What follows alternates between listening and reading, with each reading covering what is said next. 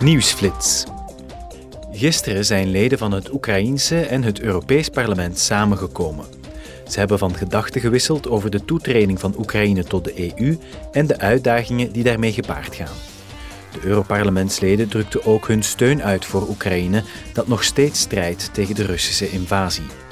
De vergadering van gisteren werd geopend door de voorzitter van het Europees Parlement, Roberta Metsola, en de voorzitter van het Oekraïense parlement, Ruslan Stefanchuk.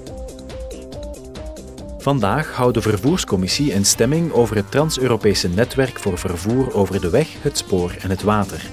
De stemming zal meer bepaald gaan over een ontwerpverslag dat bedoeld is om de richtlijnen voor de ontwikkeling van dat netwerk te updaten en hervormen.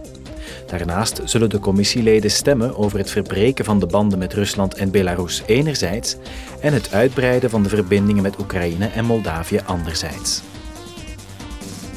Tot slot stemmen de leden van de Commissie Burgerlijke Vrijheden, Justitie en Binnenlandse Zaken vandaag over een niet bindende resolutie. Het onderwerp van die resolutie is de overdracht van gegevens tussen de EU en de Verenigde Staten.